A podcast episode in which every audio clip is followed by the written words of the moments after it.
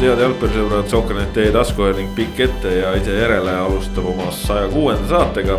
ja eks ikka sellest, et rääkida Eesti jalgpallis toimuvatest kõige olulisematest teemadest, mõistagi neid teemasid täna ilmselt oskate juba ette ennustada, minu nimi Kaspar Ülisser, täna siin minuga Rasmus Voolaid. tere. ja Kristjan Kangur tere, tere. no ühesõnaga tänase saate siis kujundame üles sedasi, et räägime kõigepealt ikkagi no vist julgelt võib öelda, et mitte ainult Eesti jalgpallimeedia ja mitte Eesti spordimeedia, vaid üldse kogu Eesti meedia noh, viimase poole nädala siis kõige olulisema teema äh, üle ja noh, kui sellega ühel hetkel jõuame kuskile maale, et on jutud räägitud, siis äh, saate lõpus räägime natukene ka jalgpallisematest asjadest, premium-liiga äh, algas nädalavahetusel ja mitte just oodatud mahus, aga jõuame sellest ka rääkida.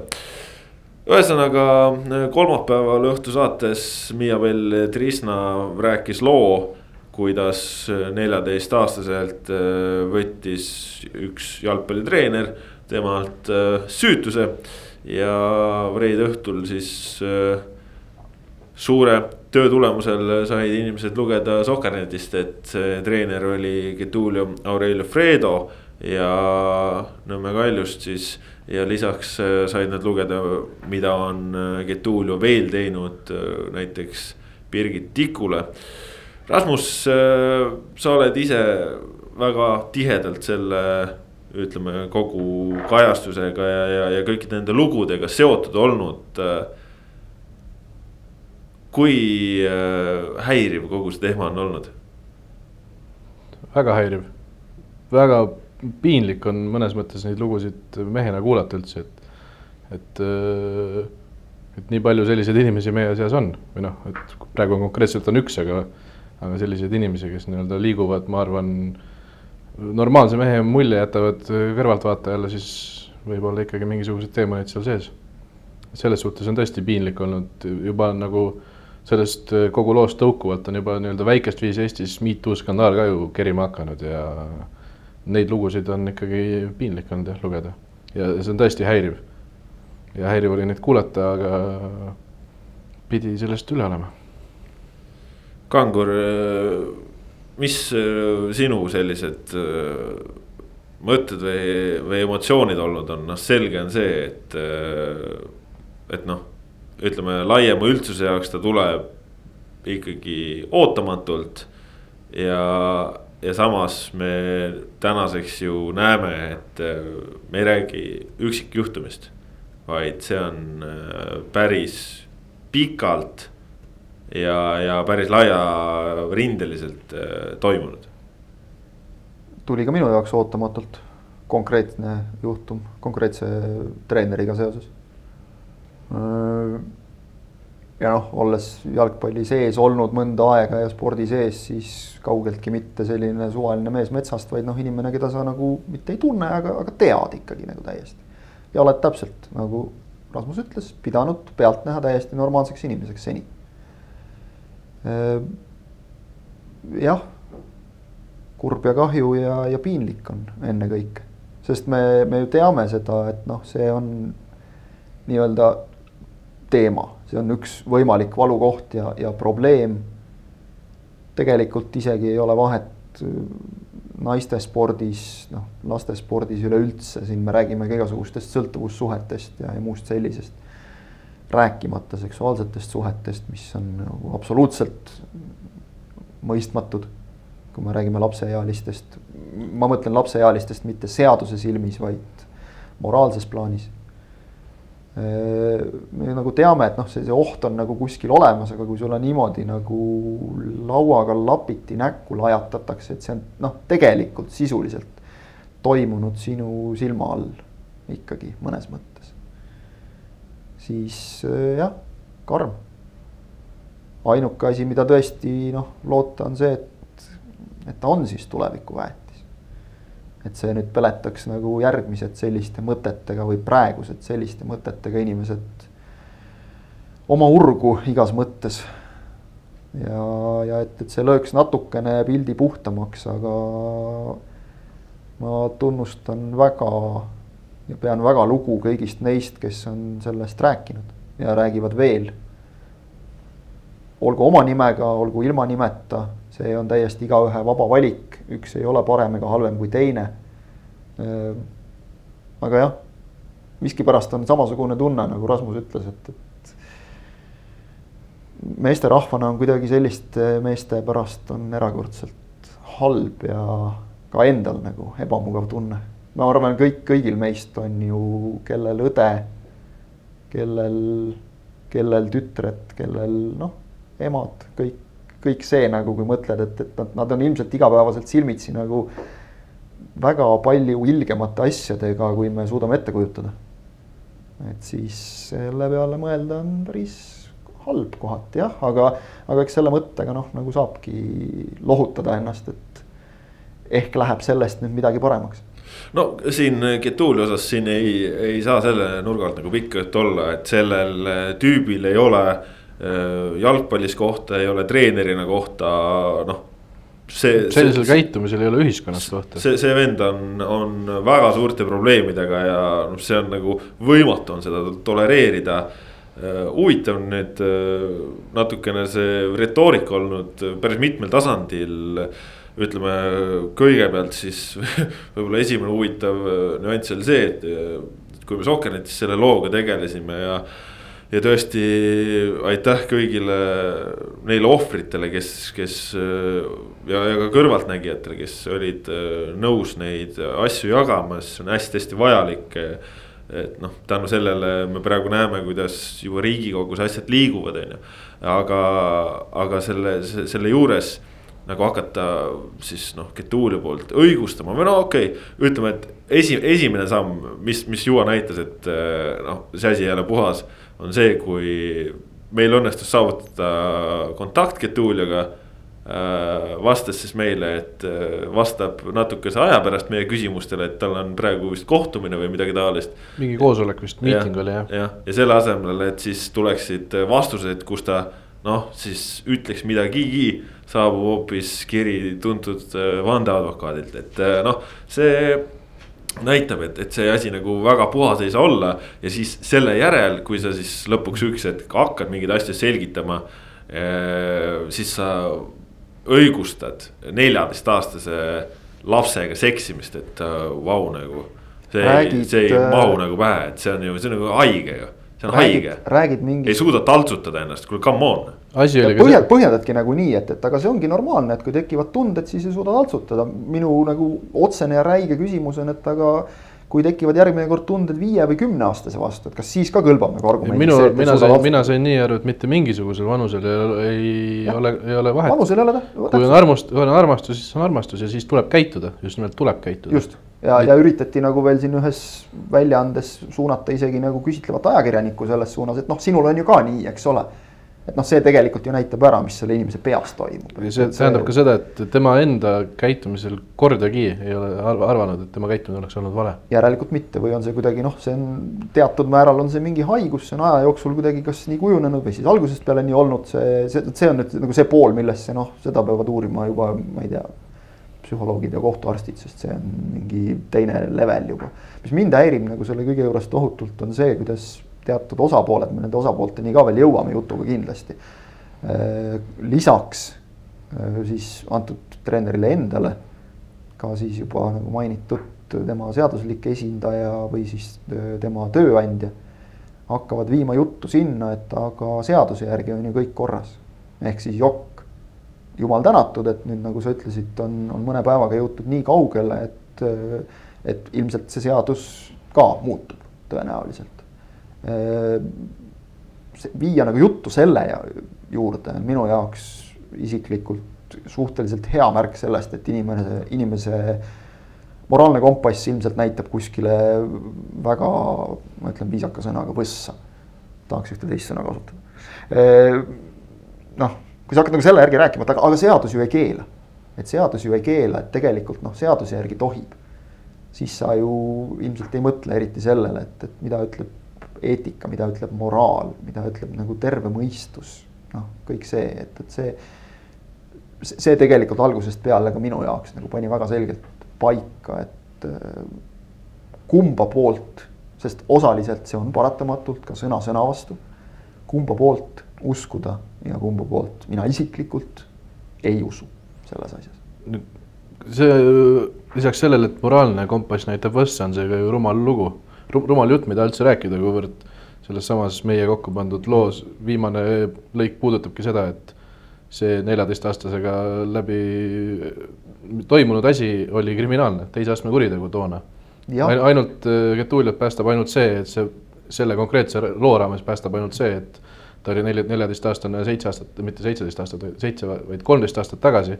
ehk siis teise astme kuritegu on juba kaheksa aastat aegunud. et siin ei ole absoluutselt oluline see, et, et. see kas... ei ole oluline, et kas ta oli neliteist või viisteist, vaid oluline on see, et ta kasutas ära enda Just. mõjuvõimu. võimupositsiooni, kõike seda, et, et noh, me teame, et seda, seda, me, me teame seda siin Eesti, Eesti riigi viimaste näidete põhjal, millele ka siin on noh, nagu just seaduslikust vaatepunktist või seadusandlikust vaatepunktist väga palju rõhutud et, et vot, aga need läksid kohtusse sedapidi, et järelikult on ikkagi nii, jah, aga küsimus on ju ka nende, nende juhtumite puhul olnud äh, eetikas ja moraalis. No, okei okay,, kohtus võib-olla tõesti ei ole võimalik mõista inimest mingites asjades süüdi, aga kui sa nagu ehitad kogu oma elu selle peale üles, et siis põhineb su elu ikka mingitel väga väärastunud põhimõtetel, ütleksin mina. ei no absoluutselt, no veider oli, oli ka see, et aga ta oli ju üldse mitte minu klubi mängija, vaid teise klubi mängija, no mida see muudab, kui sa teda treenid noh. no see on seesama umbes, mis, mis minu jaoks on ka nagu täiesti tülgastav, on see, et aga miks tuldi välja kolmteist aastat hiljem? see on kõige rumalam väide üldse. see on, see on absurd ju noh millal Kus... see õige aeg on, kas, kui oleks kümme aastat varem tulnud, kui oleks kolm aastat tagasi, ehk siis kümme aastat hiljem tulnud välja, siis oleks sama küsimus olnud, miks kümme? oleks kaks aastat, sama asi, kaks nädalat, miks eelmisel nädalal ei tulnud, kaks päeva, aga mis sa eile tegid? noh. kõik, kõik retoorika, mida nagu kasutatakse ka, on see, et, et üks oleks justkui siis süüdistatav oleks justkui ohver.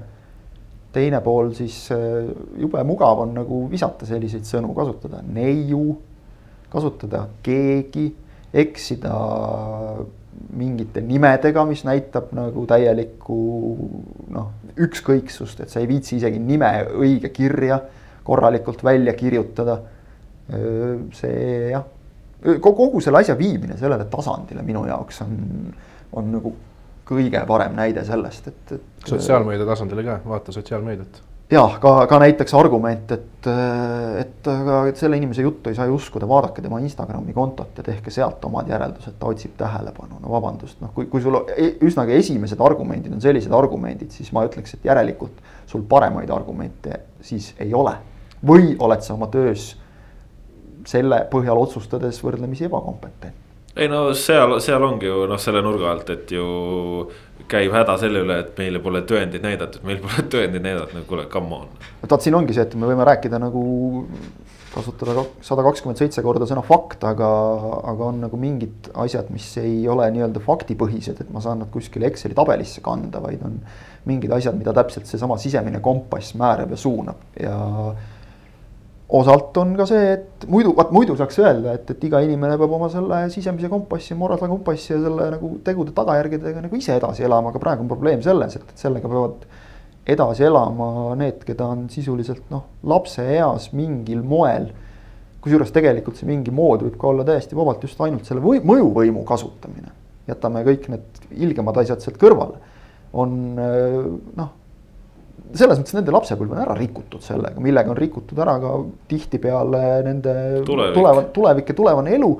suur kiitus ja, ja au neile, kes on suutnud sellest august kuidagi välja ronida pärast selliseid asju. no võtamegi siis niimoodi, et kui Getuli advokaat äh, Robert Sarv, mainime ta nimeliselt ära, ütleb Õhtulehele, et äh, suhe oli vastastikusel alusel. ja Miiabel ise ütleb, et ei olnud vastastikusel alusel, keda me nüüd usume, kas noh miks Getulia sõna peaks siin rohkem maksma, kui peaks maksma siis äh, Miiabelli sõna. või siis, et äh, seesama Robert Sarv ütles sealsamas loos, et äh, Birgit Tikk valetab, kuna ta noh, konkreetselt ütles, et Birgit Tikk valetab kuna politsei uurimine on tõestanud, et ta valetab. aga, aga, aga Põhja prefektuuris töötav Reimo Saivet siis ütles päev hiljem, et ei valetanud. kas siis nüüd siis Robert Sarv valetas?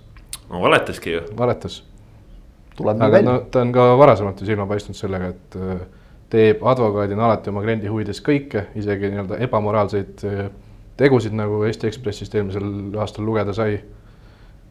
ta tegi siis midagi sellist, et äh, ületas eetikapiire, viivitades kohtukaasusega võimalikult kaua, et siis kohtualuse kuriteod aeguks, mitmed aegusidki ja noh, siin me räägime, eks ole, advokatuuri aukohtu järeldustest, mitte me ei ole siin nagu ise neid välja mõelnud, neid asju, vaid need on tõestatud faktid, kui me räägime faktidest. noh, tundub, et siis selline hea kompott äh, amoraalsetest inimestest kokku saanud. tundub nii jah, meile tundub, igavene tundub täpselt samamoodi, see on täitsa selline vaba tunne, ma ütleks selle kohta. no kui, ja kui siis äh, Getulia esindaja isegi ei, ei eita et see suhe oleks olnud neljateistaastase tüdrukuga ja mängib solvatut ise siis veel, siis nagu see ka seal tekitab nagu endale kuidagi üli ebamugava mulje, millega me tegeleme. seal tekibki nagu see absurd ka, et, et kui noh, kui, kui sa ütled nagu ise, et jah, see suhe oli, kõik teadsid samas muidugi ütled, et siis olid nagu ka need, kes ei teadnud, aga muidu kõik teadsid. no selleni no, jõuame jah. see läheb nagu nii rappa kogu see jutt, et. ei no Getuli puhul oli ju see ajuvaba ka ja et, et mis asja, et aga miks ta sellest ei räägi, et mina ei olnud talle üldse esimene meeski ja et, et ta valetas, et. et tegelikult juba juba seksis mingite teiste endast vanemate meestega, et noh. kuidas sa hakkad õigustama sellist asja, et sa oled viiekümne nelja aastaselt koos neljateistaastase tüdrukuga, no see ei. ja, ja üleüldse see, et sa viid nagu asja kohe sellele, sa hakkad teist poolt süüdistama. sama asja siis ka nagu noh, nii-öelda see nagu õiguslik kaitse, esimene asi on, on süüdistada, valada teine osapool meedias sopaga üle, noh, siin muidugi alati on, võib tõesti vaielda, et, et aga nemad, nemad enne, nemad alustasid. Eh, noh, jalgpalliliit on ka algatanud oma uurimise ja ütleme nii, et äh, natuke raske on nagu uskuda, et nüüd järsku on kuskilt välja tulnud siis äh, vist võib öelda julgelt kahekohaline arv inimesi peaaegu või, või noh, igatahes nagu sinna lähedale. no mitte kaks-kolm, vaid ikkagi noh, oluliselt rohkem. kui kõik, kui panna kokku kõik, kes on kannatanud äh, suuremal või vähesemal määral kannatanud pealtnägijana, kannatanud oma lähedase inimese pärast, siis mina olen juba rääkinud, ma arvan, kahekohalise arvu inimestega no just, rohkem isegi just. kindlasti. sa oled, need on reaalsed inimesed, sa oled nendega seda lugu kirjutades silmast silma vestelnud. ei ole, ei ole ka niimoodi, et nad mulle ütlevad, et nii oli ja siis ma ütlen, et okei okay,, ma siis panen kirja, vaid ma noh, mul on ka veel lisaks faktid, mis mul toetavad seda, seda kõike, nii et äh, mina usaldan jah. Jah, et nii ajakirjandus. Neid inimesi on kahekohaline arv. nii ajakirjandus muide töötabki, seda tasub ka võib-olla meelde tuletada, et, et kui ajakirjanik kirjutab mingi loo, siis ajakirjanik paneb sinna alla enamasti oma nime ja see nimi on tema usaldusväärsuse garantii. ja see lugu on tema usaldusväärsuse garantii.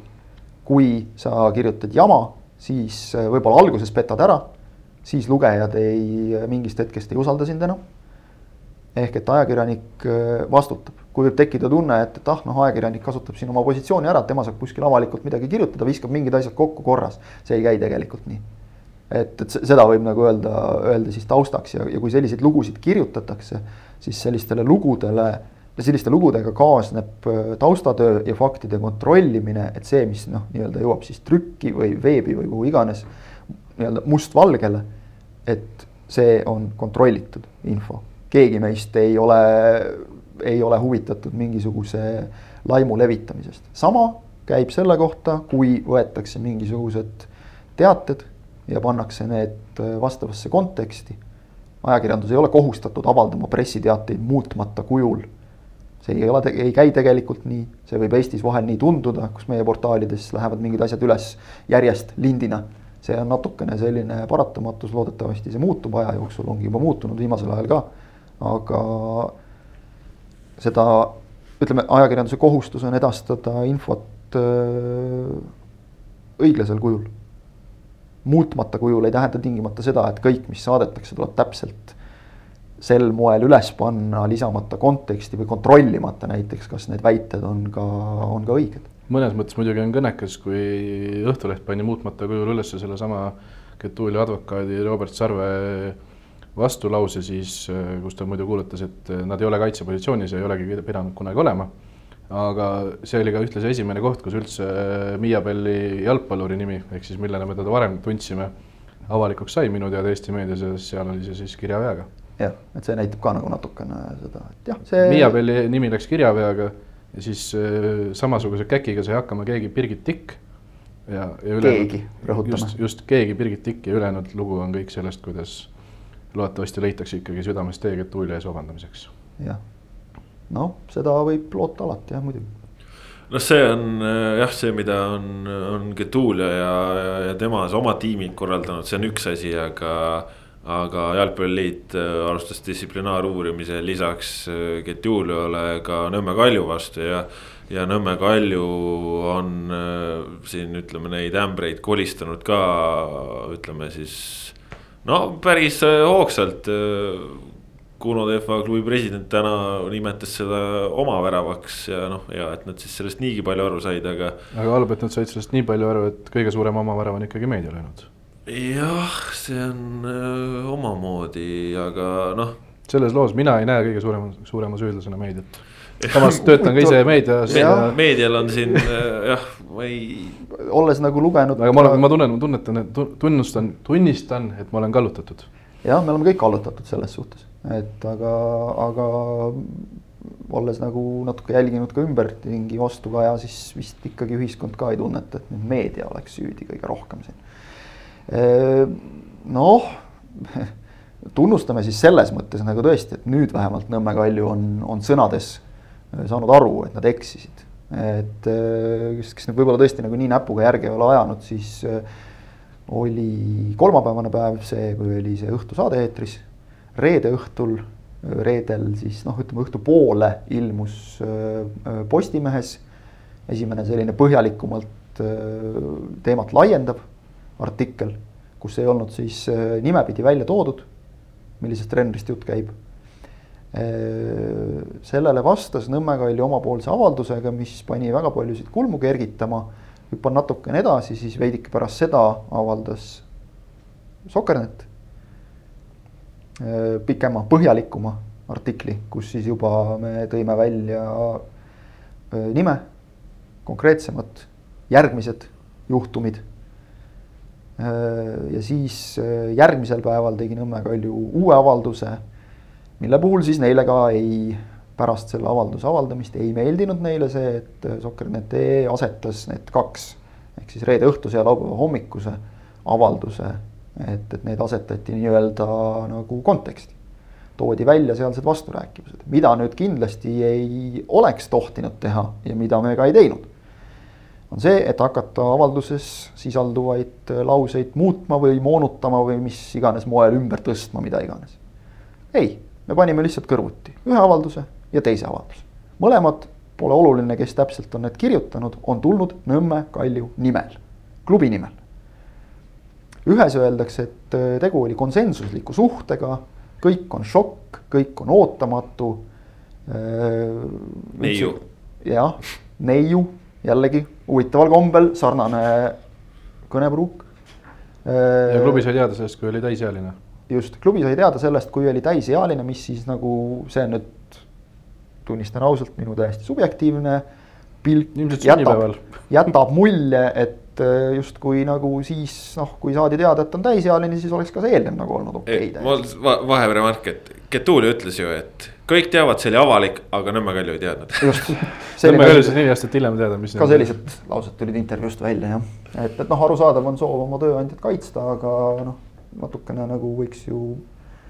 Siis... võiks ju enda, enda ühe sama intervjuu sees äh, panna ju asjad kokku, kokku klappima ta siis vist veel ei teadnud, et ta on äh, vallandatud, leping katkestatud, et toona ta. no okei okay,, jätame selle kõrvale, et ja. tõesti võib-olla seal reede õhtul võis nagu minna kogemata selle, see, see info, et leping on peatatud, tegelikult nagu nüüdseks teame, siis ikkagi. ikkagi leping äh, lõpetati. Äh, noh, hea seegi äh, ühesõnaga oleme pehmelt, oleme pehmelt öeldes šokeeritud tema kolmteist aastat hiljem esitatud kahtlustustest, selline lause on ka näiteks. selles reedeõhtuses teates siis jälle jõuame sinna nagu, et, et kas, kas üksteist ja viis või viisteist oleks siis nagu olnud emb-kumb okei okay või, või mis see kolmteist puutub siia. Samuti näiteks üllatas, mind isiklikult üllatas vägagi lause selles teates, et oleme siiralt üllatunud, et neiu otsustas pöörduda ajakirjanduse, mitte meie Jalgpalliliidu või õiguskaitseorganite poole, ma arvan, et Eestis siiski on nagu vabal maal õigus kõigil pöörduda sinna, kuhu nad soovivad täpselt. Ja, ja ütleme siis nii, et, et see, see pahameel, seda väljendas Nõmme Kalju äh,. ei saa nüüd faktiliselt väita, et, et kes täpselt kirjutab Nõmme Kalju Facebooki konto alt. ülima tõenäosusega julgen, e-, julgeks eeldada, et, et nii kaalukaid sõnavõtte teeb viinavormis ilmub seal sageli. teeb keegi juhatuse liikmetest, arvestades, et juhatuses on üks liige ja tegemist on klubi presidendiga, siis noh, tõenäoliselt võiks nagu eeldada, et tema, tema kirjutab ka Facebookis klubi nimel. Äh, on, ütleme, oli siis pahameel, nagu see oli siis laupäeval kolmteist viiskümmend kuus ehk pärastlõunal, kui siin on nüüd hiljem selgitatud, et esimene avaldus oli mõeldud vastuseks Postimehele, mis siis täitsa kogemata sattus ka kõikide teiste väljaannete postkasti. ja täpsustan. Ja kus ei olnud mitte sõnagi mainitud Postimees, mitte kordagi sõnaga mainitud Postimeest. Äh, meili siis äh, see pealkirja rida oli see, et, et vastus äh, Õhtu saates olnud intervjuule või kommentaar selle kohta. sama meediamaja. nojah, sisu, seda küll, kes ei jõua järge pidada, kus meediamajas keegi on. kas on posti-, kas parasjagu on Postimees või telekas okay.? jätame, jätame tõesti ironiseerimise, et, et noh, küsimus ei ole selles, et kas see esimene reaktsioon oli vastus äh, Postimehes esitatule ja siis, kui ilmus Sokkerneti artikkel, siis said mingid faktid teatavaks. esimene reaktsioon oli ikkagi selline, et, et noh sealt võis nagu välja lugeda, et äh, kõik on täiesti ootamatu ja, ja noh, mine tea, äkki on suisa välja mõeldud lugu. Äh, fakte ju ei ole. Tagantjärgi ütleme nii, et, et seda vist ei jõuaks siin meil need Narva mehed jõuavad juba ka edasi-tagasi otsa teha, et kui me hakkame neid äh, siin saates kõiki kokku lugema, neid vasturääkivusi, mis on siin viimastel päevadel nagu välja tulnud ja kellegi eesmärk ei ole vähemalt meie, meie eesmärk, ma arvan küll, ma julgen nagu kogu toimetuse eest rääkida, ei ole, ei ole eesmärk ajada oma agendat. Kottida kas Nõmme Kaljut või mõnda teist või kolmandat klubi, no ei ole, no iga klubi, kes Eesti jalgpallimaastikul tegutseb, on, on kiitust väärt, me ju teame, et see ei too ju sulle tegelikult mitte midagi sisse ja, ja sa teed nagu suuresti sellest noh heast tahtest ja, ja, ja, ja kõik see ja, ja klubi püramiid ja, ja noored on tähtsad ja kõik see ka nagu. Küsim- ja küsimus ei ole nagu PR-is, küsimus on selles, et nagu täiesti välja öeldud seisukoht muutus üleöö. Ja, vägisi jääb mulje vähemalt kõrvalt vaadates, seda me saame nagu käsi südamel öelda, mis mulje meile jääb. et muutus selle tõttu, et uued asjad tulid äh, välja ja mitte selles mõttes, et said klubile teatavaks. vaid sai, sai nagu, tuli välja see, et nad on avalikkusele nüüd teada.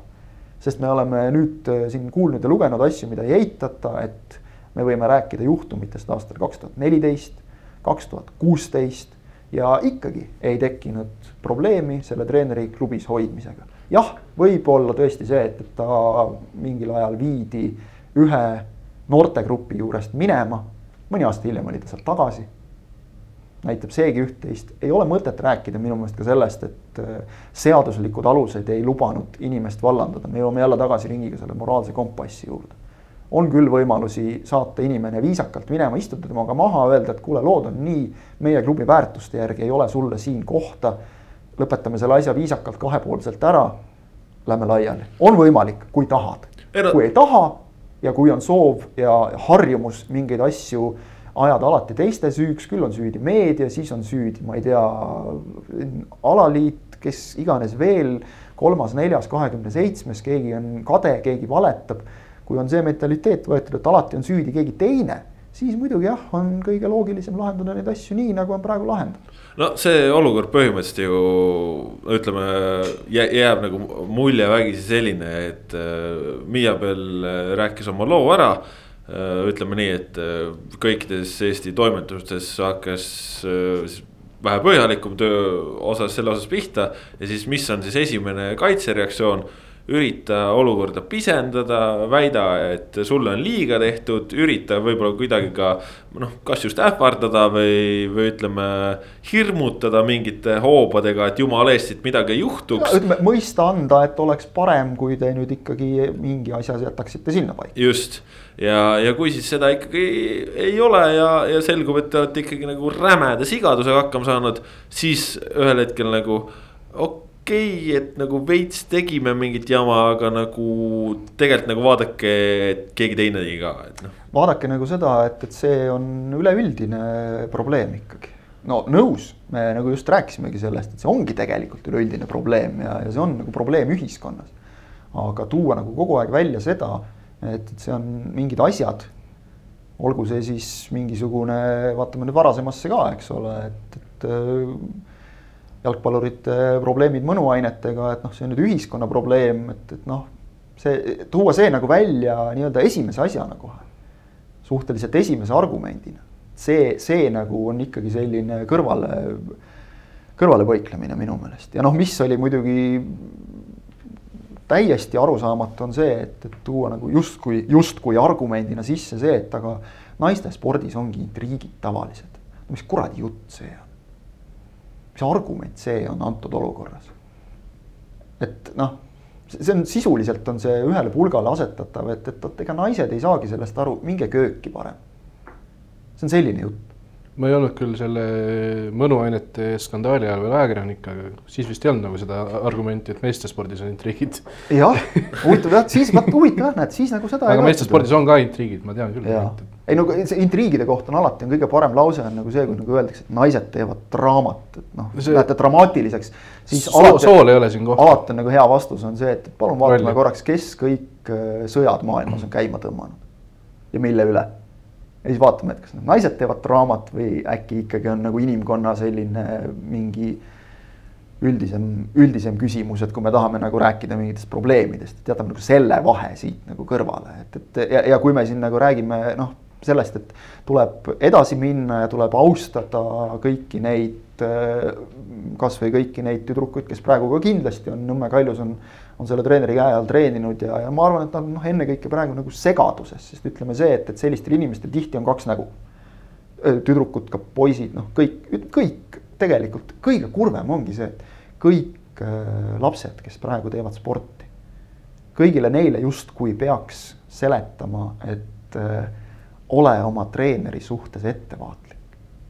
ja see on päris vastik mõte et sa pead minema rääkima nüüd seda, väga paljudele lastele treenerid on noh, osalt mingis eluvaldkonnas nagu vanema eest. sellises. selgelt eeskujud, selgelt eeskujud jah. selge, selged eeskujud ja sa pead nüüd hakkama nagu ütlema, et aga, aga, aga vaata, et noh, äkki ei ole ka, et ole ettevaatlik, hoiatama hakkama neid. See on see, see on see, miks kõik sellised asjad on nagu eriti jälgid, kui, kui selliseid, selliseid asju teeb treener iga inimese puhul, aga et see lisab nagu eraldi mõõtme sellele.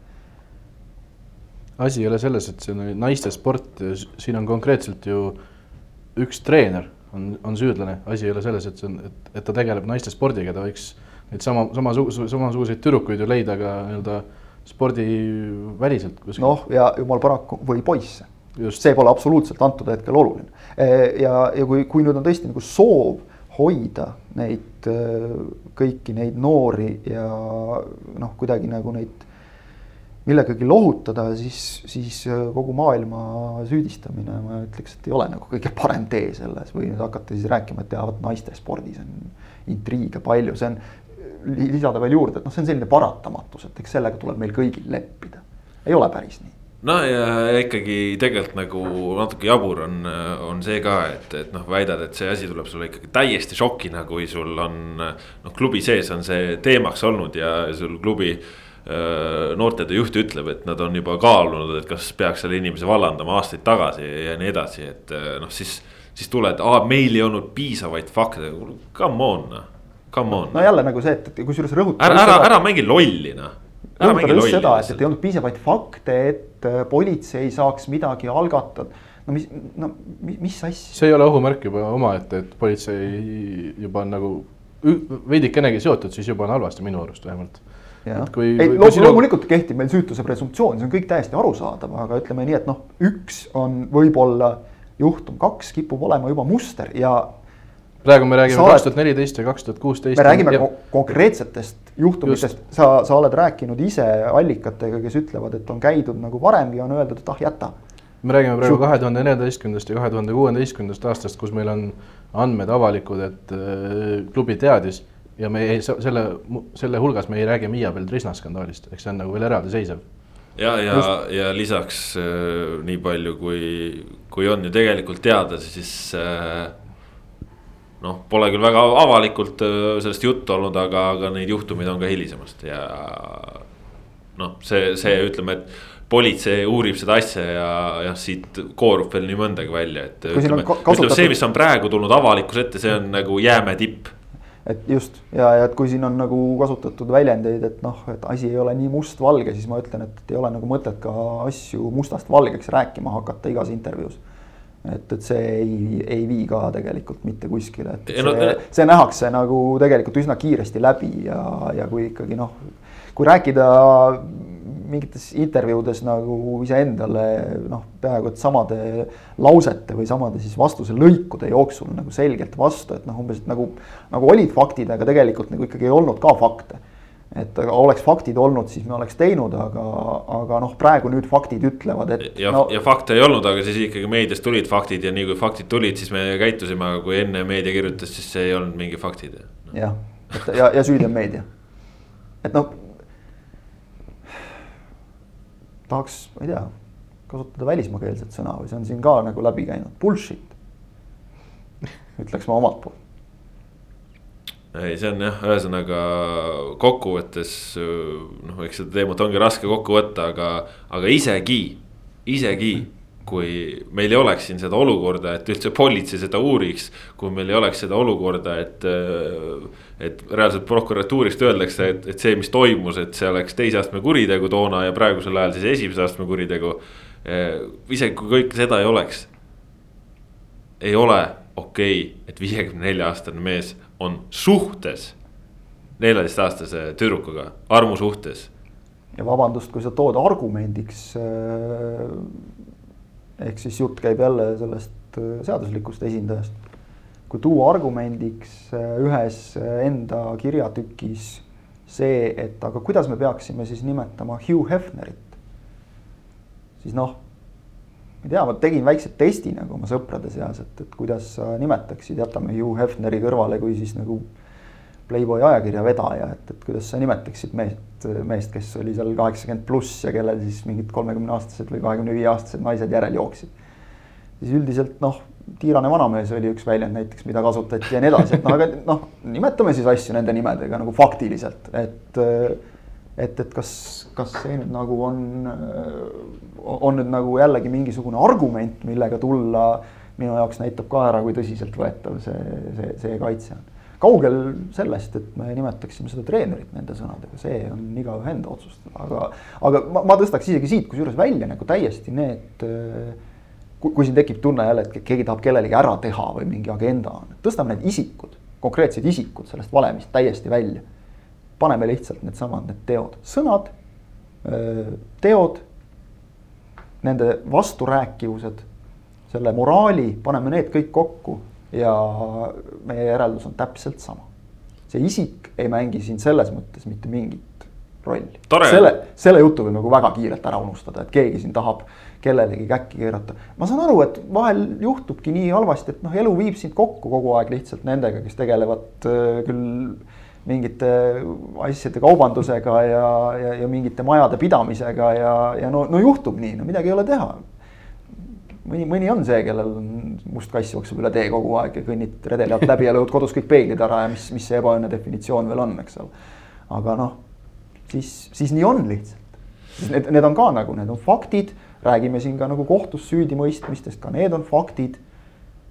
Et kui sõlmitakse kokkuleppemenetlus ja selleks, et mitte viieks aastaks vangi minna, noh siis on see enese süüdi tunnistamine ja üldiselt mina ei ole nagu naljalt kohanud inimest, kes oleks ilmsüütu ja siis nagu tunnistaks ennast kurjategijaks, süüdi. et, et noh, siis, siis lähtume nendest faktidest nagu oma hinnangute andmisel, et muidugi meil on vaba maa ja et kas sind. sind kantakse nagu kuskile protokolli mingi selle tehnilise töötajana või mis meil oli siin? nõukogu liige. nõukogu liige. nõukogu liikmena jah, näiteks, et, et või, või, või nagu mingil kolmandal moel, noh, see on, see on igaühe enda otsustada, aga. aga meie täielik nagu õigus ja, ja ma isegi ütleks natukene nagu ajakirjanikena kohustus on sellest ka siis täpselt teha need omad järeldused ja pannagi need asjad kõik sellesse samasse konteksti. kahju küll, et nii on läinud. aastal tuhat üheksasada kakskümmend kolm asutatud klubi puhul, et ütleme, et sajas juubel oleks võinud tulla natukene ilusamates värvides nagu. tuleb. aga, aga loodame, et tuleb kusjuures jah, täpselt. kahe tor- aastaga jõuab platsi nagu lüüa natukene rohkem korda ja, ja, ja teha asju õigesti ka mitte juriidilisest, vaid moraalsest seisukohast lähtuvalt. tore on vähemalt see, et äh, ka nagu klubi enda kontekstist, et kui ikkagi see asi algas niimoodi pihta, et. Et ei, ei kommenteeri ja kui kommenteeriti, siis noh, pigem nagu tehti seda väga piinlikult, et siis. nüüd nädalavahetuse järel on suudetud ikkagi ühe korraga välja öelda, et jah, et me oleme ka milleski süüdi, et äh, tore, et sellest aru saite jah, see on samm õiges suunas, et, et jah, kiitus sellegi eest. jah, et äkki läheb paremaks, on veel mingeid märkuseid, asju, mis on jäänud ütlemata kogu selle teema valguses, mida. ma arvan, selle teema kohta on nii palju öeldud, et ma tõesti siiralt loodan, et see lööb platsi ja, ja pildi puhtamaks paljudes muudes asjades, kasvõi selles osas, et me õpime märkama, see on asi, mida on, seda on olnud kuidagi tegelikult sihukese inetu asja juures nagu noh, imelik öelda, aga seda, seda on kuidagi olnud, vot see, see on nagu vähemalt mulle isiklikult pakkunud mingit sellist head emotsiooni ka, et kui on inimesed, kes on tulnud ja öelnud, et äh, mul on kahju, et ma ei näinud. Et ma olin seal sees, mul on kahju, et ma ei näinud seda, ma loodan, et ma edaspidi äh, oskan märgata. oskan olla toeks, oskan noh, näha, et mul on näiteks kasvõi julgust minna rääkima kellegagi see ei pea minema politseisse, see ei ole kaugeltki nagu see, rääkida kellelegi lihtsalt, kellegi targemaga, kes oskab nagu aidata, et noh. see on, see, see aitab. arvestades, et, arvestades neid lugusid, mis on juba välja tulnud, siis ma arvan, et Eestil oli aeg selliseks oma, oma me too skandaaliks ja. no neid on juba olnud ka meil. Neid on olnud. ma isegi ja..., ma isegi ütleksin, vot see alati nagu sellele pannakse see me too skandaal no,. Nagu skandaal on vale sõna. et see, see on nagu, see, see tekitab ka nagu natukene selle, et, et Me too puhastuseks. jah, puhastus võib-olla tõesti. kahju, et see tuleb kalli hinnaga. kõik see skandaal, liikumine, noh, see kõik see, see nagu seda tehtaks nagu jälle mingi õudse eesmärgiga, ei yeah. selle. no eesmärk ongi puhastamine. jah, selle eesmärk on see, et, et, et inimestel oleks ilusam ja parem elu lihtsalt tegelikult. kahju, et see tuleb kalli hinnaga, aga vist ei saa odava hinnaga. aga vahel, vahel nii on ja ütleme, et loodame, et, et see tuleb selles mõttes nagu ka nendele inimestele, kelle jaoks nagu tundub, et see on kallis hind maksta, et noh, nad maksavad selle praegu ära, aga nende elu läheb ka kergemaks ja paremaks. kokkuvõttes aitäh ka Miiavelile, et ta oli see esimene julge, kes, kes soostus selle asjast rääkima ja ütleme nii, et Pandora laegas on avatud ja ja, ja kahju on, et see laegas nõndavõrd sügav on ja, ja sealt tuleb aina uut, uut infot ja uusi kilde. ma tänan ka siis Birgitit, ma tänan äh, kõiki teisi allikaid, tüdrukuid ja naisi ja, ja, ja, ja mehi ka muidugi, kes minuga rääkisid, nii et ja kui, ja kui on veel, siis rääkige veel. Just, vot äh, nii palju siis äh, sellest teemast, eks meil elu näitab, mis siin asjadest saab, politsei on võtnud uurimise üle, jalgpalliliit ilmselt juba õige pea teeb otsuse Getuli osas ja, ja ei ole vaja ilmselt enam nagu mõista, et mis see otsus on, kui ka. klubi enda inimesed on öelnud, mis otsus võiks olla, et sellisel inimesel ei ole jalgpallis kohta ja, ja ei ole, ei ole ka mujal, nii et äh,. Aga noh, näeme, näeme, mida, mida kõike, millised tahud siin veel kuskil peidus on ja, ja, ja kuidas me siit ka siis riigi ja rahvana edasi läheme. aga räägime nüüd ka jalgpallijuttu siia saate lõpetusse. nädalavahetus algas siis premium-liiga lõpuks ometi pärast väikest viibimist, aga, aga lõpuks siis laupäeval Levadia ja Vaprus Lillekülas jalgpallihooaja avasid ja avasid sedasi, et Levadia võttis viis-null võidu. vaprus näitas, et äh, kõik see jutt, mida me oleme rääkinud äh, talve jooksul, et nad on ikkagi esiliiga masti võistkond, siis vähemalt esialgu täpselt nii ongi. karm öelda natuke, aga on küll jah. no samas seda võis ju aimata, et esimene mäng on raske, kui üks meeskond teeb hallist trenni ja on Eesti profiklubi ja tippklubi ja teine meeskond teeb vaata tihti need esimesed mängud ongi sellised, et ega see tippklubi tuleb ka sinna nagu niimoodi täiega peale, neil on ka palju tõestada ja, ja noh, surume ära, surusidki tuleb öelda, et, et äh, kasutan veel kord võimalust, kiidan äh, Vladimir Vassiljevit, Levadia peatreenerit, väga hea äh, mängueelse inteka eest. palju õnne talle ka lapse sünni puhul. just, et jah, rõõmu kui palju aga, aga selline hea, selline väike, põgus, aga asjalik mõnelauseline analüüs sellesse, et äh, mida sellest mängust võiks oodata. vahva oli vaadata, et palju parem kui see, et, et lähme kolme punkti võtma, noh, no shit. sada kümme protsenti. jah, anname sada kümme protsenti et, äh, et see oli nagu äge ja, ja tegelikult nii tehtigi, et, et noh, muidugi ma saan aru, et seda saab kasutada ainult nii, et kui on nagu eri, eri kaalukategooriast vastased, et, et mis meie plaan on, muidu, muidu nagu ikka ei lähe selle lauluga, et teeme nii. aga jah, Levadia mängis isuga, mängis mõnusalt, seal on ju see sisemine konkurents on kõva, et kõik mehed peavad praegu tõestama ennast, jalga sirgeks lasta ei saa, tuleb kohe uus mees, võtab koha ära sult. et äh, noh, meenub nii mõnigi varasem mäng ka just täpselt Sportland Arenalt, kevad, üks esimesi voore võib-olla tõesti isegi kõige esimene on kõige ohtlikum, kui lähevad niimoodi kokku tabeli eeldatav esimene ja tagumine ots. ja, ja siis ongi nii, et see tugevam surub, surub gaas põhjas lõpuni välja, meestel on seda entukat ja, ja vastupidavust ja kõike ka ja. ja noh, ega Vaprus ikkagi väga palju palliga nüüd äh, Levadia poole peal toimetada ei saanud. Neil oli üks väga hea võimalus, kusjuures seal näitas Karl-Ander Valner ennast väga heast küljest, et mängus, kus sa oled noh sisuliselt nagu väravaposti najal ajalehte lugenud suurema osa, suurema osa ajast, et, et siis sul tuleb seal üks olukord, kus sa tõesti pead päästma ja siis sa ka päästad. Magnus Villota väga hea lähedalt tehtud pealöök, kus ta minu meelest meetri pealt tegi mingisuguse ulmelise reflekstõrje. aga noh, ülejäänu oli selline, et nagu Pärnul nagu häbeneda ei ole ka nagu otseselt midagi, aga lihtsalt viskab sisse, keegi mängib kuskil käega, tuleb penalti. keegi magab mingi vastase maha, keegi üritab klaarida, pall läheb hoopis. üks värav oli nii, et, et Robert Kirss üritas sööta ääre peale, põrkas pall vapruse mehest värava ette tagasi täiesti kogemata ja sealt löödi ära, et noh võta need asjad maha, siis oleks juba ütleme sihuke kaks, null, kolm, null nagu enam-vähem, et, et noh. aga, aga noh, tegelikult on see, et, et sa näed, et nagu lihtsalt. tasemevahe. Tasemevahe on nii suur ja. ja see ei ole nagu isegi selles mõttes öeldud vapruseks halb, vaid noh. Levadia on hea lihtsalt, midagi ei olegi teha, see ongi selline. ma olen endiselt seda meelt, et Vaprus on põhimõtteliselt esiliiga tasemel võistkond, aga ma olen ka seda meelt, et see see konkreetne mäng, ma arvan, et oli üks hooaja kõige lihtsamini ette ennustatav kohtumine. kes, kes võidab ja et, et siin tuleb Levadia suur võit, ma arvan, see oli nagu.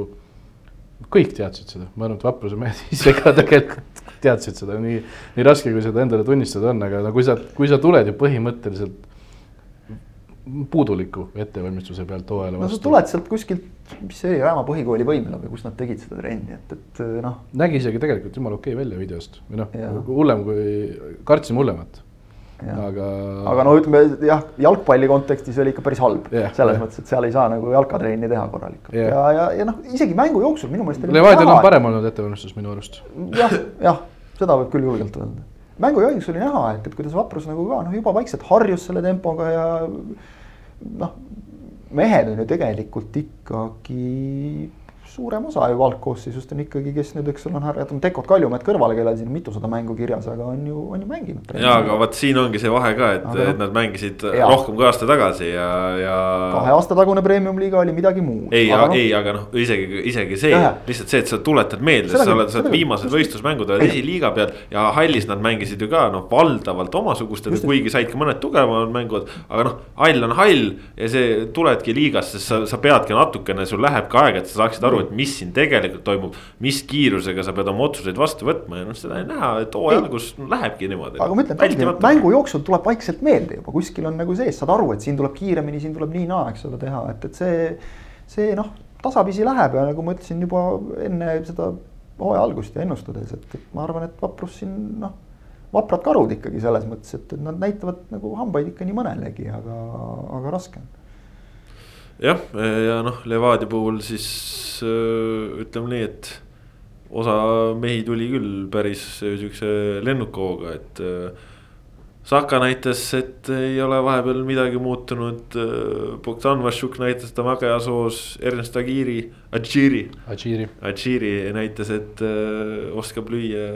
Strahin ja Kristevski ei osanud veel lüüa selle peale vahetati välja ka kohe need. vaat see ongi selle Vaadi karm elu, et ei pane viie meetri pealt sisse, siis ongi. kohe minek ka. mine, mine mõtle pingi peal äh, elu üle järele. mulle õudselt meeldis äh, Õnne Stagiiri puhul see, et, et peab isegi ootama need instati andmed ära või vaatama sealt, et äh, mind huvitab sööduliin, vasak äär, Õnne Stagiiri ja parempoolne keskkaitsja. Pajenko. Pajenko et kui palju lasi söötu mitte Bajenko Adžiirile, vaid just sedapidi, Adžiiri Bajenko. sealt üleviimised teisele äärele, see muidugi oli suuresti tingitud sellest, et noh, Vaprus vajus nii madalale oma poole peale, et keskkaitsjad mängisid sisuliselt keskjoonel, et sealt oligi nagu loogiline sealtkaudu viia aga noh, see, mismoodi Adžiiri lasi ääre pealt neid diagonaalsööte Bajenkole ka täpselt jala peale, et sealt saigi kiirelt jätkata kohe. et ta ei pea tegema kahte-kolme sammu, et pallini jõuda või midagi sellist. noh, see näitab, kust see mees tuleb, et ega Man City akadeemia ei korja, eks ole, naljavendi üles ja äh, Volerenga, Belgia esiliiga Küprose kõrgliiga, noh, see on ikkagi mingi klassi näitaja ja, ja mees näitas juba noh, ka, ka muude tegutsemistega, et, et see on, see on klassiga vend ja, ja sellel tasub silma peal hoida, et, et siin. Kui ta nii jätkab, üks mäng muidugi ainult, aga kui ta nii jätkab, siis eh, noh, Levadial on jällegi nagu väike mõttekoht, et, et suvel juba äkki keegi kuskilt tahab, mine tea. Jah, igatahes selline mäng oli, Levadia on nüüd siis ka tabeli liider Äh, laupäeval oli ka teine mäng, mis oli väheke, ütleme, et siis äh, dramaatilisema žüžeega. Kuressaare ja Viljandi tulevik. viis väravat jaotusid natuke põnevamalt. no ütleks, et seal isegi jaotus põnevamalt see, et kuidas see mäng äh, televaatajateni ja kõikide jalgpallisõpradeni jõuab, sest räägime siin ka selle loo ära või? sina vist pead rääkima. sina pead rääkima, klassika seiklejad räägivad oma lugusid ise, mitte. sul on mikker suu ees, et anna minna. teised ja ei, ühesõnaga oli huvitav. pärast on nagu jahimehe jutt, et käisid, ma ei tea, kust Gröönimaalt läbi ja ühesõnaga huvitav lugu oli küll, minu jaoks siis algas laupäev sedasi, et oli mul hommikune valve. tegin seda Hiiumaal oma kodust rahulikult, olin jõudnud umbes tund aega töötada. kui kirjutas siis hea kolleeg Kris Ilves, kes pidi minema Saaremaale, siis et kuule, et mul eile õhtul hakkas natukene pea tuukama ja nagu nohu tuli, mõtlesin, et hommikuks on läinud, aga on ainult hullemaks läinud, et mis teeme, mõtlesin, kuule.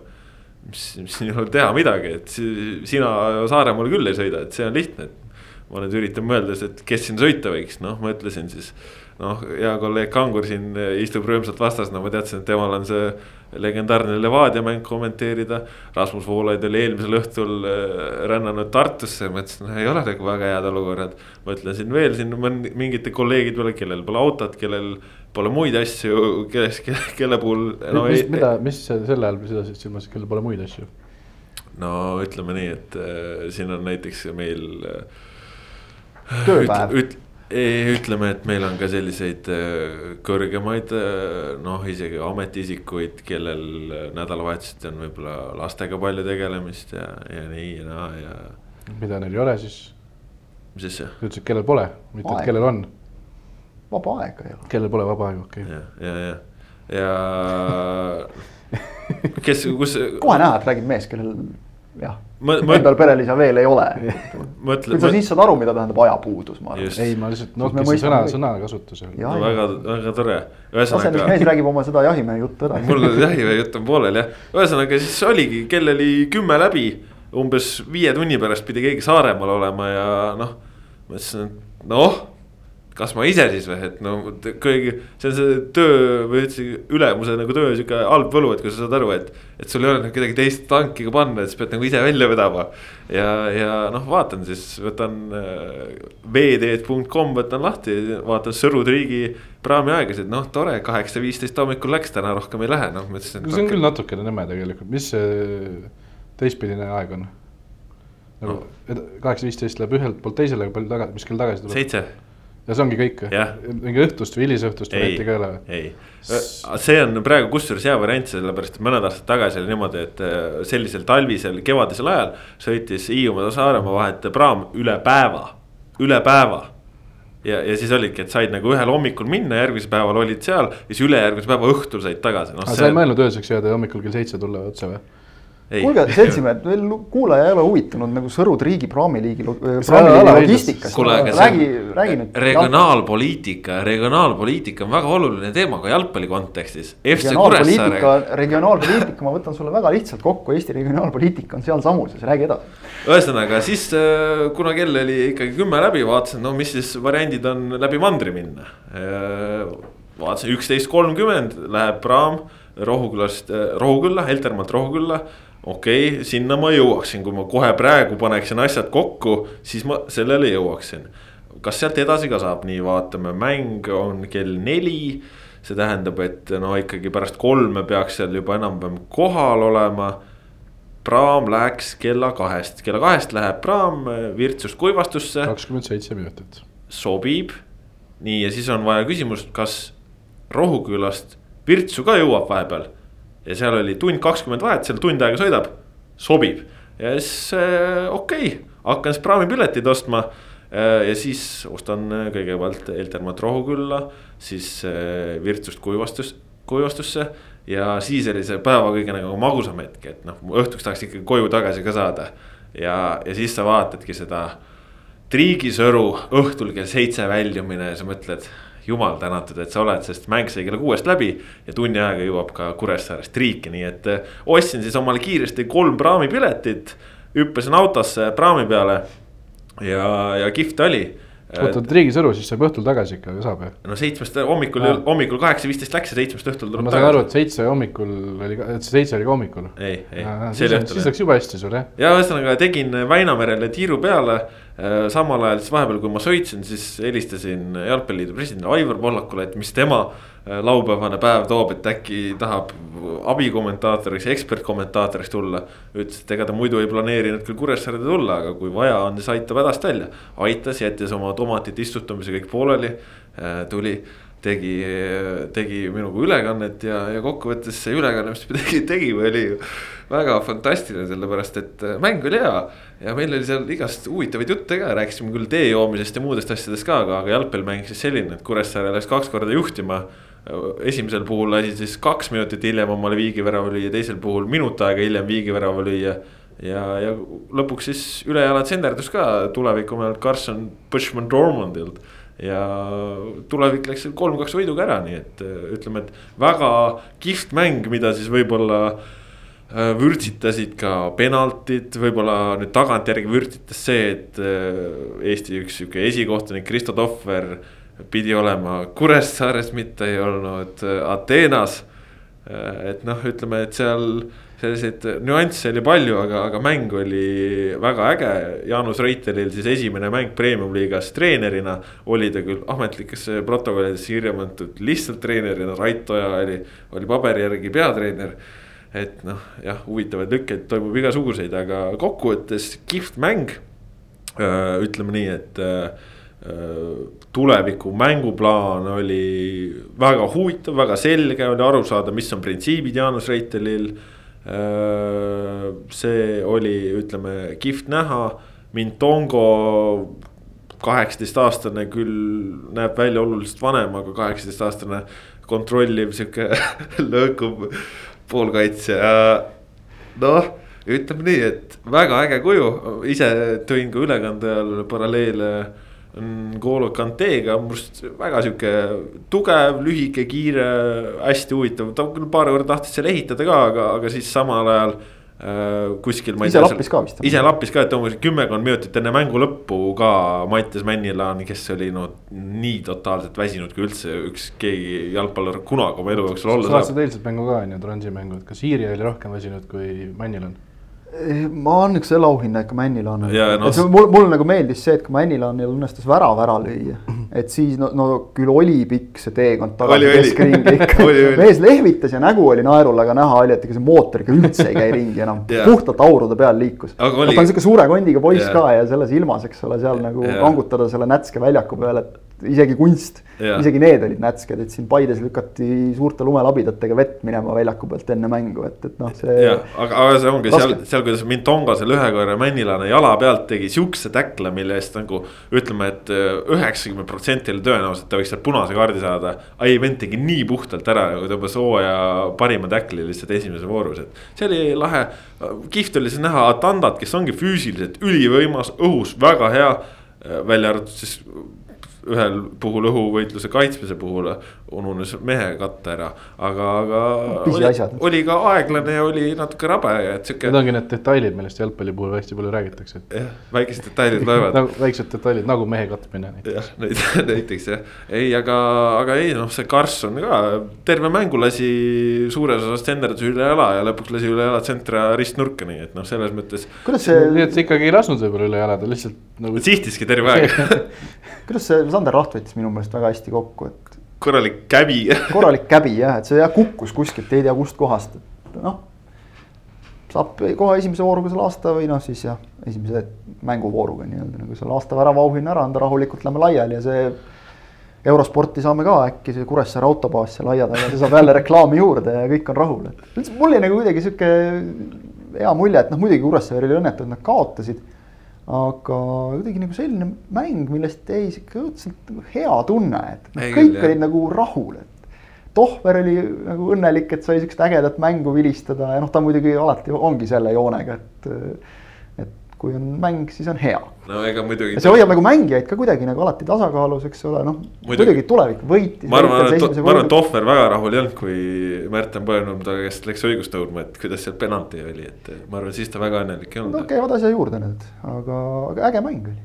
äge mäng, mäng oli ja just noh, ikkagi see ka, et Kuressaares ka müts maha, eks ole, et, et tegelikult seal kümnekesi mängiti ju. vot, vot see oligi põhi, põhidiil jah, et nad ju terve teise poole panid kümnekesi, et see, see oligi nagu sihuke. ei no nad aimasid ette seda noh, sellist globaalset suunda juba, et kui eile juhtus ju ka selline imelik asi näiteks Põhja-Londoni derbis, et eh, minema saadeti punase kaardiga Tottenhami mees, aga mängupildiliselt edasi mängis kümnekesi Arsenal, et väga huvitav nagu sündmus viisteist minutit suutsid niimoodi mängida, et olid nagu täiesti igatepidi vaatad vähemuses ja lasid ennast suruda, et lihtsalt Kuressaare aimas ette suundi. tegid ette ära, ei no tõesti. saare pealt on vaata näeb hästi kaugele, et sealt nägid ära selle. kümme minta tõesti ei olnud nagu aru küll saada, et äh, Kelder sealt ära oleks läinud, aga noh, siis ühel hetkel hakkas nagu vaikselt äh, silma paistma ja, ja. siis ja, oli jah see, et kumb oli tühimeeste. ja, ja, ja tuleviku puhul oli ka pull, et nad seal keerutasid seda palli sealt tagant ja nagu ohtlikud absoluutselt ei olnud ja ma ütlesin ka, et nad ei ole absoluutselt ohtlikud suutnud olla. ühe korra käristavad siis tsentrikasti ja on kohe värav valmis, et äh, see on noh ütleme, et sirgjoonlased jalgpalli väike võluke. minu arust isegi, kas sa mingi viisteist sekundit enne väravat isegi. täpselt siis ütlesingi seda, täpselt siis ütlesingi seda, et. näed ka sina asju. Pole, pole olnud ja, ja kohe tuli jah ja, ja noh, muidugi tuleb nagu tõe huvides öelda, et kui siin vahel on Kelder saanud ka kaarte selle eest, et ta on Kelder, siis seekord ta sai ikkagi selle eest, et ta tegi kaks kollast kaarti väärt viga. esimese puhul oled no, ka kindel või, ma seda no, okay. järele ei vaadanud. teine oli ikkagi selge. no teise, teise puhul ei olnud küsimust ka. ei olnud võimalik andmata jätta. ta ise ka sai aru, et seal ei ole küsimust, esimese puhul seal noh, ma, ma ei ole seda videost veel üle vaadanud, eks neid videost üle vaatajad on teised mehed et kes ikkagi ka toonitavad seda, et on vaja asjad videost üle vaadata. aga ei, noh, kokkuvõttes nagu noh, midagi paremat sinna laupäeva selles mõttes oli raske tahta ja ega minagi, kümme tundi läks ainult aega, et olla tagasi kodus Hiiumaal ja, ja Väinamerel oli ring peal, seejuures päeva jooksul ma nägin väga palju eriskummalisi asju, kui me jätame selle jalgpallimängu ja selle Karlssoni värava veel. ma nägin Igor Mangi, ma nägin äh, praami peal salongis äh, politseinikke, kes äh, ütleme siis kontrollisid ja juhendasid, kantakse masti, maski, hoitakse vahemaad. ma nägin kiirabiautot, mis transportis teist kiirabiautot. ma nägin kitsesid tee peal jooksmas. jah, ei lahene tulge ajakirjanikuks, näete maailm Ei, üks ne, mäng oli veel vist. üks mäng oli veel jah, äh, Paide alistas Transi viis-üks. Äh, põnevuskohtumise sain endale. Hmm. tegelikult nelikümmend oligi ju päris põnev. nagu mitte küll ütleme nii, et selline rock n roll jalgpall, mida võib-olla Kuressaares mängiti, aga. ainult nelikümmend. ma ütleks, et olles ka vaadanud, ma ütleks, et rohkem isegi natuke. no neljakümne neljandal oli värav. Ei no jaa, aga. no nelikümmend kolm siis kui no ei, ma mõtlen seda, et. ai trans, nagu kaks-ühe peal oli ka. kui Trans oli kaks-üks tagasi, siis oli nagu mäng, et selles mõttes see viis-üks noh, ei, ei peegeldanud jõudude vahekorda kindlust. nõus, ütleme see, kui teise poole alguses tuli kohe kaks-null, siis oli tunne, et äkki läheb ära, aga siis minut, minut hiljem no lõid Paide mehed, lõid Paide mehed põnevuselt tagasi kohe. Jussif ja Aksel hakkasid karistama karistusalas ja Jussif lõi enne seda veel rinnaga endale taha nurka ära ka, nii et mulle, mulle meeldis see poos, kus yeah. Jussif maandus Aksalu peale sülle. Pärast seda siis. Üks, üks tuntud Eesti jalgpallikommentaator või noh, ka üldse spordikommentaator armastab öelda selle peale, et tule onule opasse. See oli täpselt selline poos ilmselt kusjuures see onule opasse tulemine praeguses laiemas kontekstis nagu kõlab ikka väga rõlgelt. jah, see, sa enne mainisid Igor Mangi ja ma tahtsin umbes sama läheks edasi jutuga aga ei, kaks-ühe peal oli ka veel äge jah, aga Transil tõmbas lõpuks kummi tühjaks. mingi, see oli see Anieri värav või see oli see Teibise esimene või teine, kurat ei mäleta, aga igatahes kui Anier jooksis Iiri vastu kontrasse, see oli julm vaadata, kuidas äh, ühel mehel, ühel mehel on jõudu ja teisel mehel ei ole jõudu. kolm-üks värav minu meelest oli see. jah, et äh, see otsustaski mängu ära vist jah, aga Iiril oli niimoodi kumm tühi, ta isegi peaaegu jõudis, aga siis ikkagi ei jõudnud ka. See on nagu jah, tahtmise taha ei jäänud, aga lihtsalt saad aru, et ei käi jalad ringi all enam mehel ja ägedalt libe plats oli see, kuidas teibis esimesel poolel. kuidas see nii libe oli, plusskraadid olid ju? ma ei tea, sest ma saan aru, miks väljaku kõrval libe oli, sest seal oli jääd ja lund ja asju, aga väljaku peal nagu, nagu enne mängu vaadates tundus täitsa tipp-topp, aga siis mingid kohad olid, mingid kohad olid nagu ikka noh, Pamb, Pambi jääl täpselt oli see teibis esimesel poolel see oli jah. no meil praegu ju pendeldab ka niimoodi seal nulliringis, et kunagi ei tea, aga, aga noh, jah sadas seal tõesti kõvasti enne ja sadas mängu ajal ja, ja, ja et, et vahel, vahepeal ei sadanud, siis jälle sadas jah. jah, ja ta vahel läheb nagu selliseks, tegelikult ju minu meelest nagu mängu lõplikult noh, nii-öelda nagu täiesti tappis ära see kaheksakümne viienda minuti värav, et kas, kas isegi ju mingil hetkel Trans tabas posti ja, ja kas ja minu, minu mäletamist mööda enne, enne Paide neljandat väravat äh, oli nagu täiesti selline pool penalti olukord teisel pool otsas, kus äh, Kalenkovitš vist võideldes Ojamaaga või Sinilaiuga seal kukkus, nõudis väga häälekalt, sealt tuldi kohe üle ja löödi ära ja siis ja. oli nagu tehtud ka.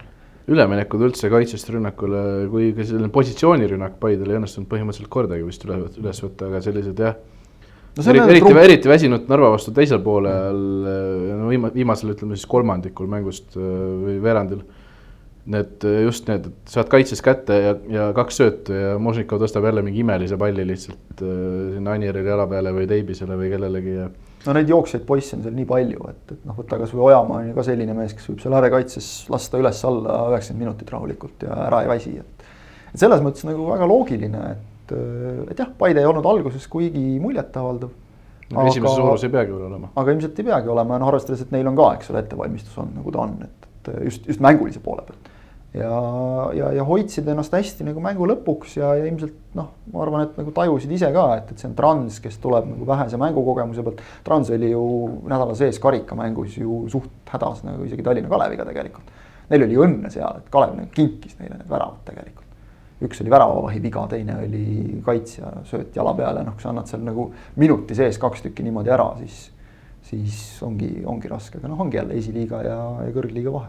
aga et noh, transilt selgelt nagu põhma ja kõike seda praegu lihtsalt napib. Nad tulid ju alles isolatsioonist ja, ja nagu kõik kokku mäng ja kõik asjad. et kõike seda arvestades ma ütleks, et Trans tegi nagu täitsa viisaka mängu, et kõik nagu välismaalastest. väga, väga, väga. välismaalastest mehed. positiivsed jätsid, signaalid olid küll. jah, jätsid mulle nagu täitsa mängumeeste mulje. see oli ikkagi mitte viis-üks, vaid kolm-üks, ütleme nagu ja. ülekaalu mõttes oli see mäng. mängupildi poolest oli see kolm-üks mäng, ütleme. ja, ja noh, parem õnne korral oleks võinud ka olla kolm-kolm mäng täiesti, et, et see see, see Transil on, on nagu sealt mida kaasa võtta, et see, kui sul Anier ikkagi võtab, eks ole, sellise Možnikovi kaarpalli ja lööb pöördelt ära kohe, võtab rinnaga alla kaitsega võideldes ja lööb pöördelt kohe ära, noh, see, see ongi tippklass.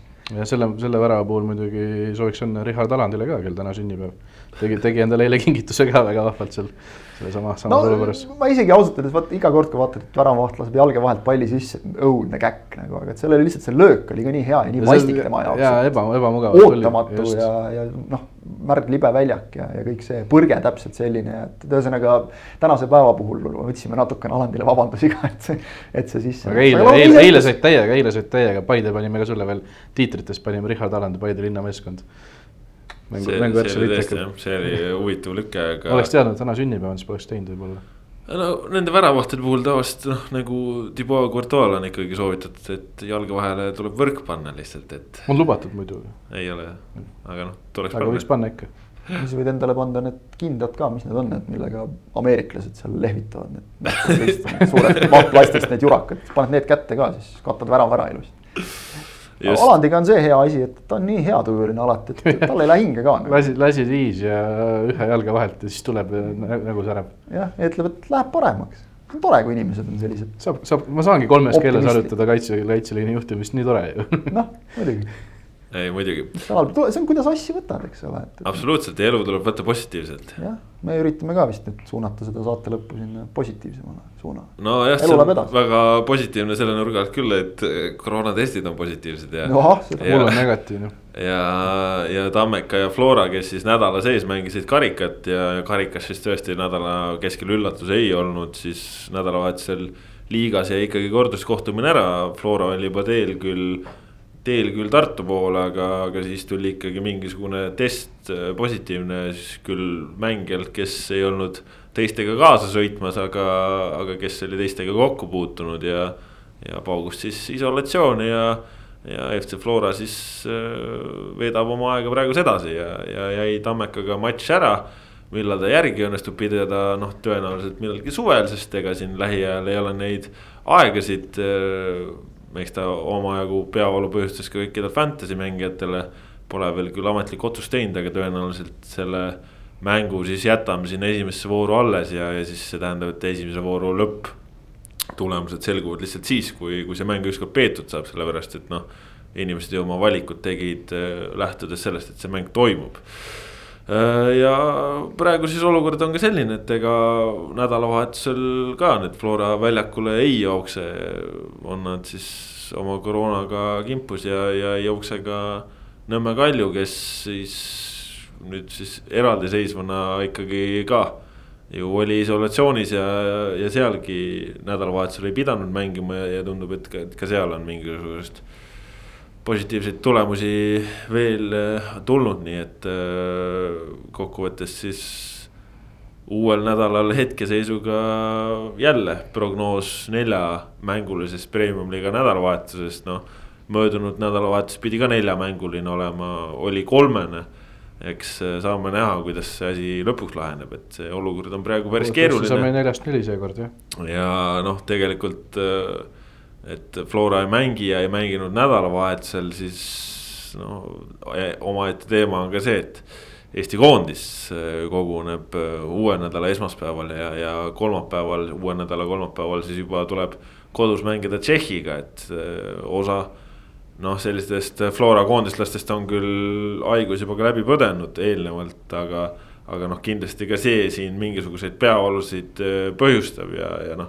Ütleme kui siin mingid koondise jaoks olulised mängijad, noh lihtsalt on ka mängupraktikast puudu olnud siis kas. trenni teinud või mitte, siis noh, see on kindlasti murekoht ja, ja noh, selles mõttes midagi liiga lihtsat siin elus aastal kaks tuhat kakskümmend üks märtsikuus ei ole. huvitav, ma vaatan praegu, et äh, kui veel sinna Paide Narva mängu juurde korraks tagasi põigates. mäng toimus kell üks, eks ju. jaa. Kell kolm sai läbi siis jämedalt ja kell neli tuli Keskerakonnaga Facebooki lehel teada, et Nikolai Burdakov, Narva Transi president, liitus Keskerakonnaga. pärast mängu lõppu tund aega hiljem otsustas ikkagi. näed nagu mingit põhjus-tagajärg seost siin ma mõtlen jah, et kas, mis, mis, mis juhtus siis no juhtus ilmselt see, et Keskerakond on üldiselt äh, olnud ju äh, Narvas äh, võimul ja kui ikkagi tahad sinna jalg, jalgpallihalli ka saada. ma vaatasin, et üks-viis on palju, järgmine kord tahaks paremini ja tund aega hiljem. ma arvan, et see ei aita. no teedki otsuse ära, et saad aru, et sul on vaja jalgpallihallis treenida, mitte kuskil maneežis no.. ma, mina näen põhjust tagajärg seost. nii lihtne ongi esimese vooru pealt vaatas ära ja, ja.. ei, siis õige samm sel juhul, kui see aitab nagu selle halli tuua sinna, siis on ju super kõik. ei, absoluutselt noh, seda absoluutselt. on ju vaja sinna. ühesõnaga nii palju siis täna nendest jalgpallijuttudest. loodame tõesti, et see koroonavärk siin nüüd liiga hulluks ei lähe. Nädalavahetusel premium liiga. et saaks seda mängida, et ka kõik fantasy sõbrad saaksid sellest liiga hooajast rõõmu tunda ja uuel nädalal julgen juba teile lubada küll, siis tuleme koondise juttudega. sest kolmapäeval, sel kolmapäeval selgub Toomas Häberli esimene koosseis siis ametlikuks maavõistlusmänguks ja, ja saame teada siis punktide peale Tšehhiga panema hakkama, nii et. esmaspäeval juba seal tulevad koondise kokkutulemised ja muud asjad, ehk siis saab vaikselt kuulda, missugused need hinnangud ja mõtted ja, ja tunded on ja ja kindlasti põnev teema ta siis on. vot nii palju täna, täname, et kuulasite. tänast saate teid teieni Kaspar Elisser, Kristjan Jaak Kangur ja Rasmus Voolaid. Püsige terved, aga eelkõige püsige ka vaimselt terved, kui on probleeme, pöörduge spetsialistide poole ja ärge tegelege jälkustega. hoidke ennast, hoidke üksteist just ja kui märkate jälkuseid, siis andke ikka teada vastavatele organisatsioonidele. kõike head, adjöö